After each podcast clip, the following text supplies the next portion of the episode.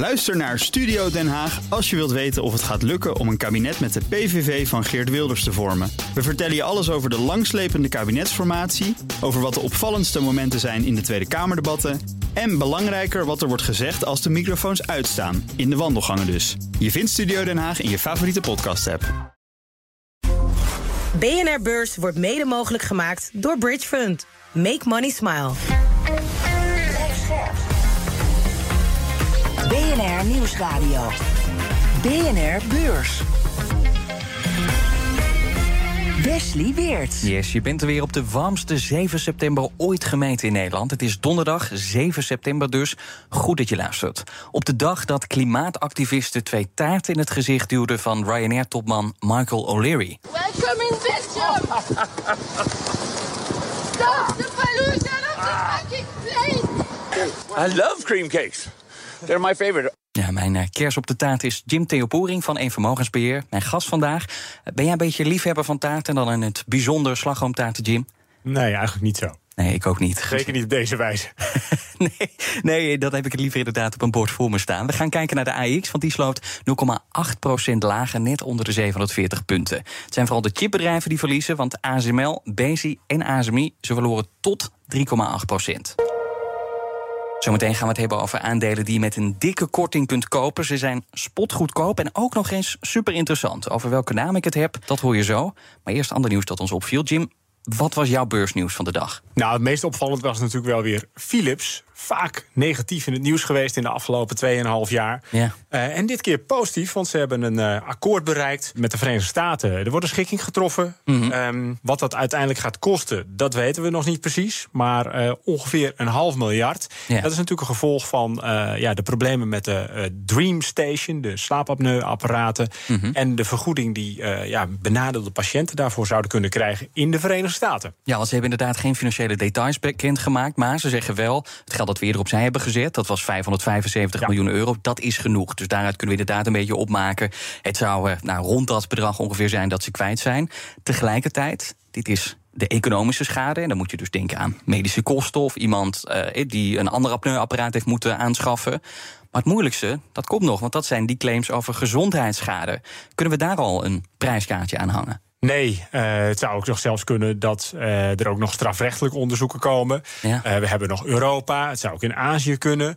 En dat is wel he, allemaal natuurlijk nog steeds koffiedik kijken. Ook dit in dit geval. Bloomberg die zegt van ja, het is waarschijnlijk 479 miljoen... wat dit Philips in de Verenigde Staten gaat kosten. Ja. Um, wat misschien nog wel een veel groter probleem is, is dat de naam Philips hiermee echt wel besmet is geraakt. Het gaat natuurlijk breder dan alleen die slaapapneuapparaten, maar ook de medische apparatuur. Niet voor niets is die aandelenkoers hard gedaald. Evengoed is het natuurlijk wel zo dat hier een stap is gezet in de afronding van het slepende proces, dat ja. al 2,5 jaar duurt. Ze hebben nog een andere meevaller laatst, hè? Exor, uh, bekend van de Fiat-familie, ja. die zijn ook ingestapt, hebben veel aandelen gekocht, zijn nu groot aandeelhouder, volgens mij zelfs de grootste aandeelhouder.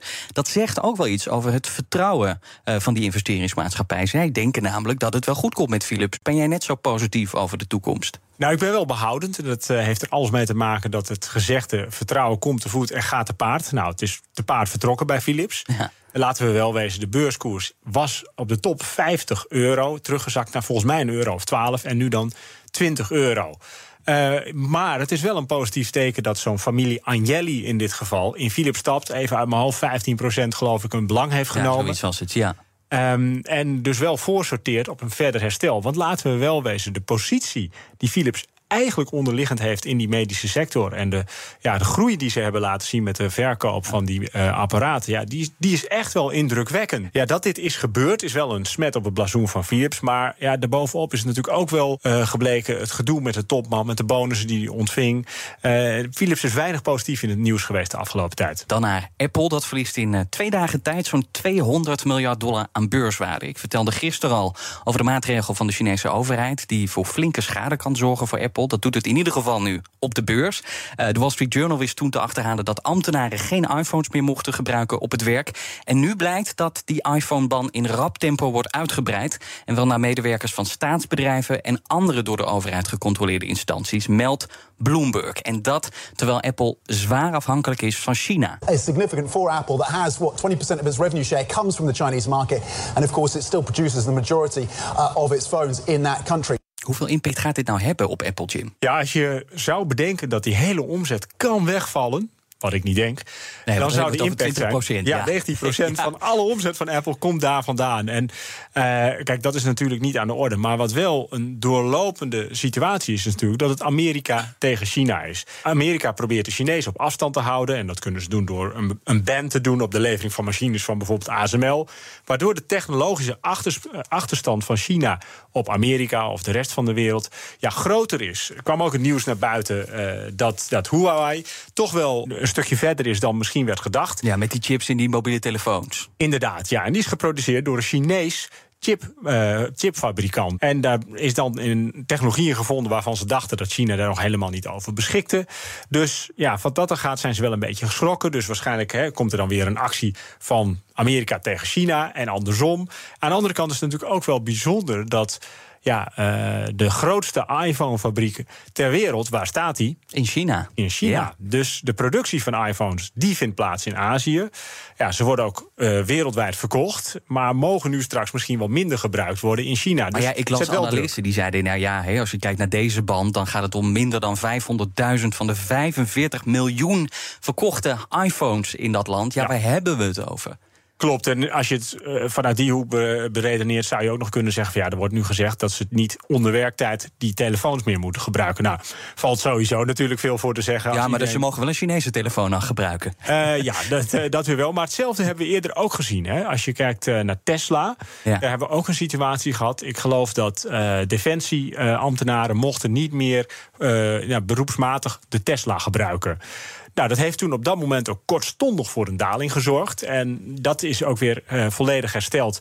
En vanuit dat perspectief, kijk je het op de dag, ja, dan is dat heel vervelend. Je noemt ook 200 miljard. Nou, dat klinkt nogal wat, maar we hebben het hier wel over het aller, allergrootste bedrijf ter wereld met een market cap van 3000 miljard. Ja, maar jij denkt dus dat het snel weer aantrekt?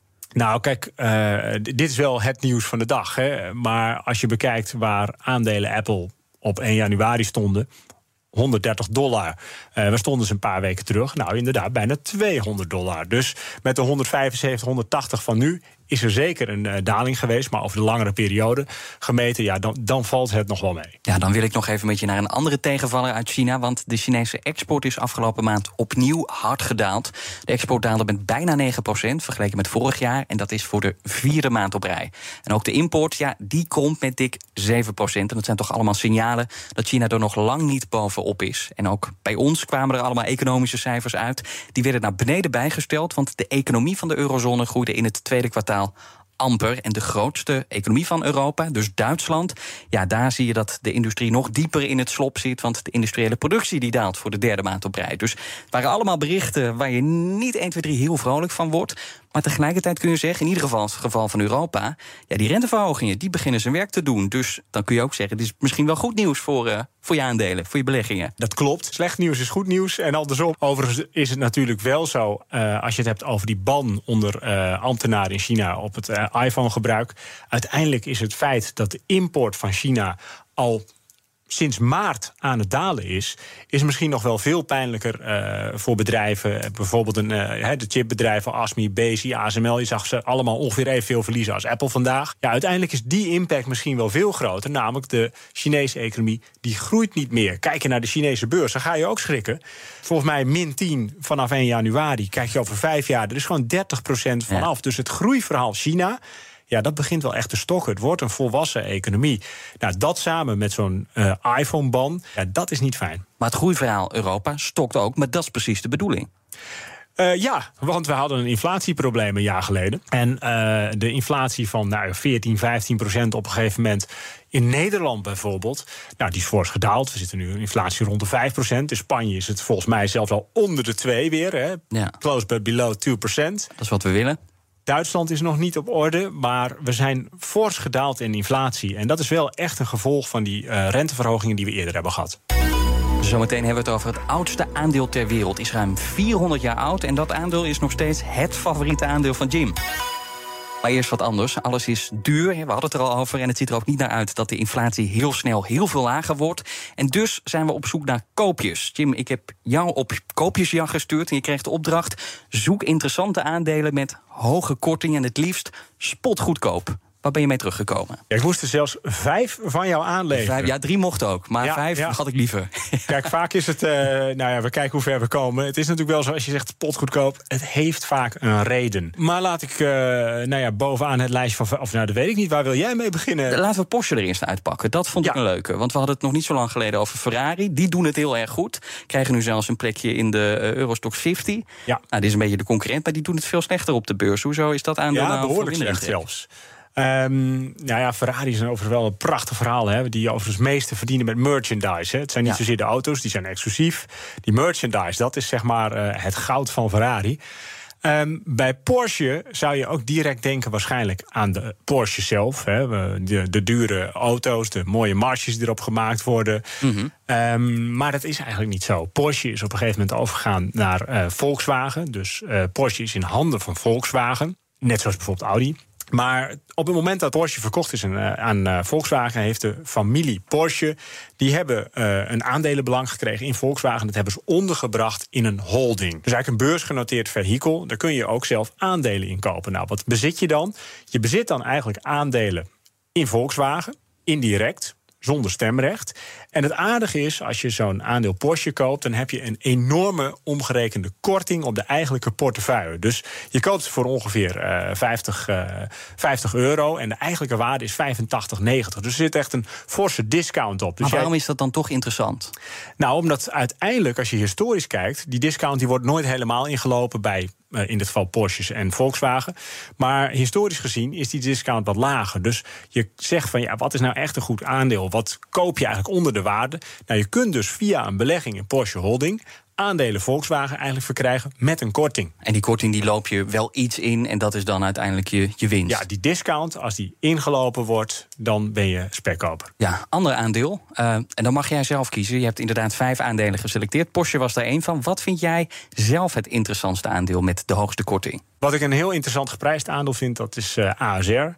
Eh, overzichtelijk bedrijfsmodel, Nederlandse verzekeraar, Nederlandse activiteiten, wel Egon overgenomen. Nou, dat is wel iets wat beleggen een beetje zorgen maakt. eh, waar beleggers zich een beetje zorgen over maken, omdat ze nog niet weten wat de spin-off daarvan gaat zijn. Het gaat Maar je weet toch heel goed wat je hebt gekocht? ja, eh, nou kijk, hè, ASR denkt dat ze precies weten te hebben wat ze hebben gekocht. Maar misschien komen er nog wel lijken uit de kast. Aan de andere kant is het natuurlijk wel zo dat je het heel goed in elkaar kunt schuiven. Want het is de Nederlandse markt, vergelijkbare activiteiten. Ja. Ehm, en als je puur kijkt naar de- hoe eh, ASR in het verleden heeft gepresteerd, eigenlijk de mate waarin management zaken op orde heeft, dan is dat gewoon heel positief. Beleggers die zijn sinds de beursgang beloond. Ging voor zo'n 20 euro, eh, ik meen in 2016 uit mijn hoofd, eh, naar de beurs. De koers heden ten dagen is bijna 40 euro, maar dat is een verdubbeling. Het allermooiste is dat ASR beleggers ook heeft beloond met een prachtig dividend. Op dit moment is dat ongeveer 7% dividendrendement. Dus als je op dit moment kijkt naar wat kost het aandeel, wat krijg je aan dividendrendement, hoe verhoudt de huidige koers zich ten opzichte van de winst die wordt gemaakt, is dat een heel mooi solide aandeel tegen een hele faire prijs. Ja, ik wil nog één aandeel eh, eruit pikken. Want je had ook een soort van concurrent van Proces meegenomen. Daar zit ook een hoge discount op. Maar jij hebt de Belgische variant, zo noem ik het dan maar even. Ja, Proces eh, is goed te vergelijken met in dit geval Sofina. Want beide zijn een holdingmaatschappij. Dus ze hebben belangen in andere bedrijven. Nou, als die andere bedrijven het goed doen, of verkocht worden bijvoorbeeld tegen de hoofdprijs, ja, dan is dat ook gunstig voor Proces. Ja. Maar in dit geval voor Sofina, eh, ja, eh, nog beter. En de portefeuille is iets meer ges- gespreid. Aandelen kosten ietsje meer dan 200 euro. Maar als je kijkt naar hun portefeuille, dus de bedrijven die ze in portefeuille hebben, je gaat het terugrekenen, Ja. dan kom je op dit moment op bijna 280 euro. Dus ook daar zit weer een behoorlijke discount op. Nou, een van de deelnemers die zij hebben, ze hebben zo'n 65 deelnemers in de portefeuille. Nou, die ken jij wel, want je zit er vast op. Nou, ik zit er niet op. Maar ik weet wel dat ze in eh ByteDance TikTok, onder meer zitten. Ja. precies. Vindt het. eh, is ook Oh ja. een soort marktplaats Europees. ja, er staat voor mannen heel weinig op. Dus daar zit ik ook niet op. Ik weet het Mijn vrouw niet. zit er wel op. Ja, maar nou, kijk. Ja, ja, ik ken het wel. Dus eh, wat, wat het een beetje het nadeel is natuurlijk, is dat eh, ze heel veel in tech, groeiende bedrijven eh, hebben geïnvesteerd. En daar hebben ze eerst ook eh nou ja, fors mee verdiend.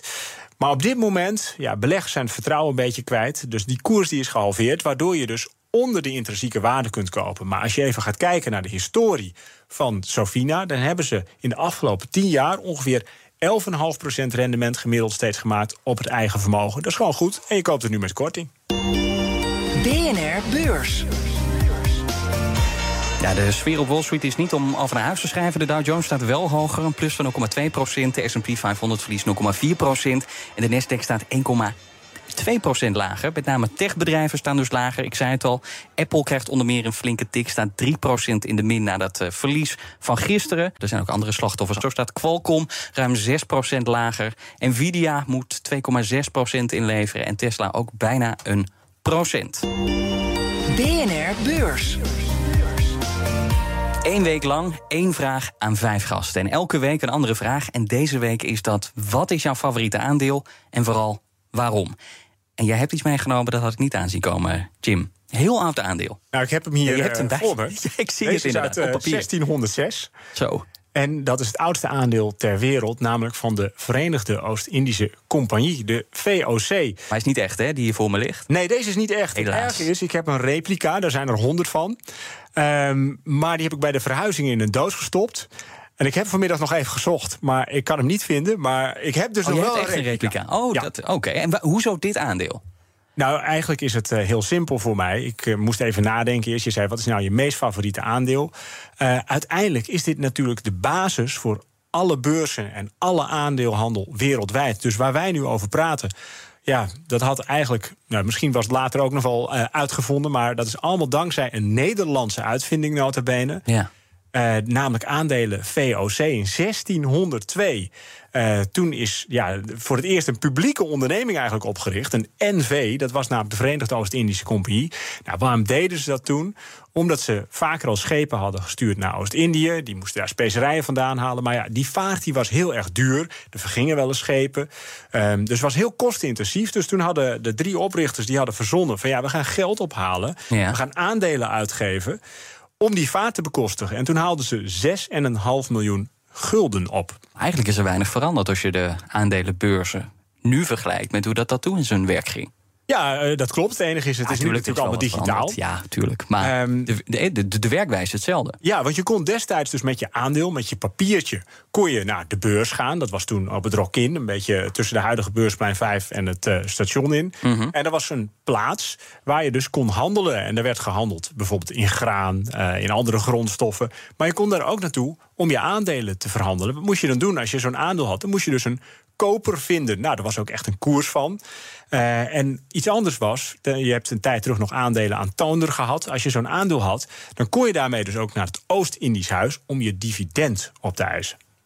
Nou, en dat, maar, maar wat heb je er nu nog aan, Jim? Nou, die aandelen heb je niks meer aan, want die Oost-Indische eh, VOC die is natuurlijk opgeheven op een Ja. gegeven moment.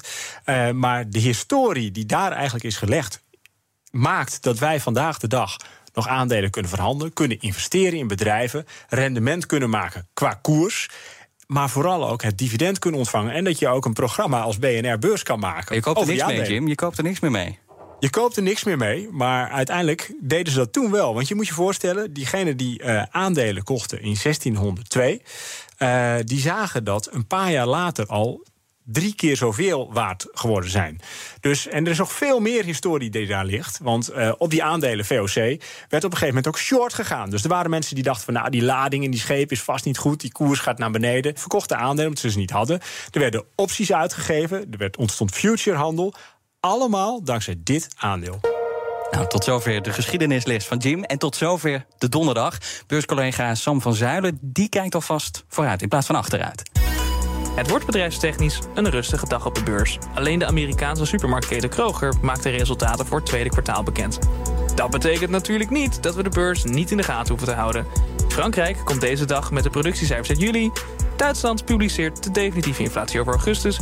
En het CBS publiceert de cijfers over de stand van zaken in de Nederlandse industrie.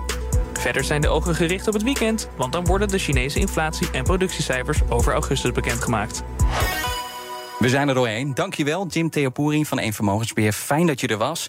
Morgen is het vrijdag, dus nog één keer de oproep... om je vragen te mailen naar bnrbeurs.bnr.nl. En dan gaan we de beste, de leukste, spannendste... de origineelste vraag, die gaan we dan stellen aan onze gast morgen. Voor nu, bedankt voor het luisteren. Ga nog lekker genieten van deze broeierige avond... en graag tot morgen. BNR Beurs wordt mede mogelijk gemaakt door Bridge Fund. Make money smile. Ook Diana Matroos vind je in de BNR-app. Ja, inderdaad. Je kunt live naar mij luisteren tijdens de Big Five. Ook handig in de BNR-app. Breaking nieuwsmeldingen, maar ook het allerlaatste zakelijke nieuws. En je vindt in de app alle BNR-podcasts, waaronder Wetenschap Vandaag. Download nu de gratis BNR-app en blijf scherp.